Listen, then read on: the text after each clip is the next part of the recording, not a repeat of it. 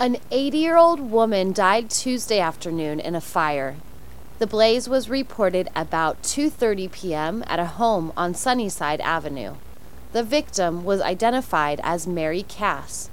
Her husband, Roy Cass, 80, was not at home at the time of the fire. Investigators from the local fire department were trying to determine the exact cause of the fire. They said it looked like the woman had fallen asleep on the sofa with a cigarette in her hand. The value of the home was estimated at $700,000. The Casses were married in 1945.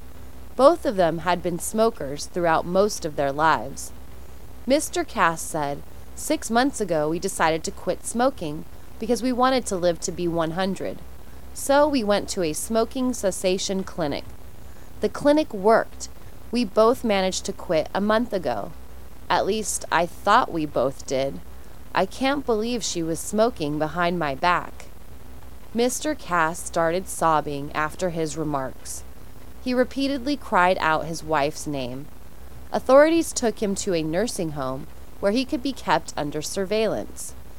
We've had too many instances of long-time married couples who, if they discover their spouse is dead, commit suicide within 48 hours, said a nursing home spokesperson.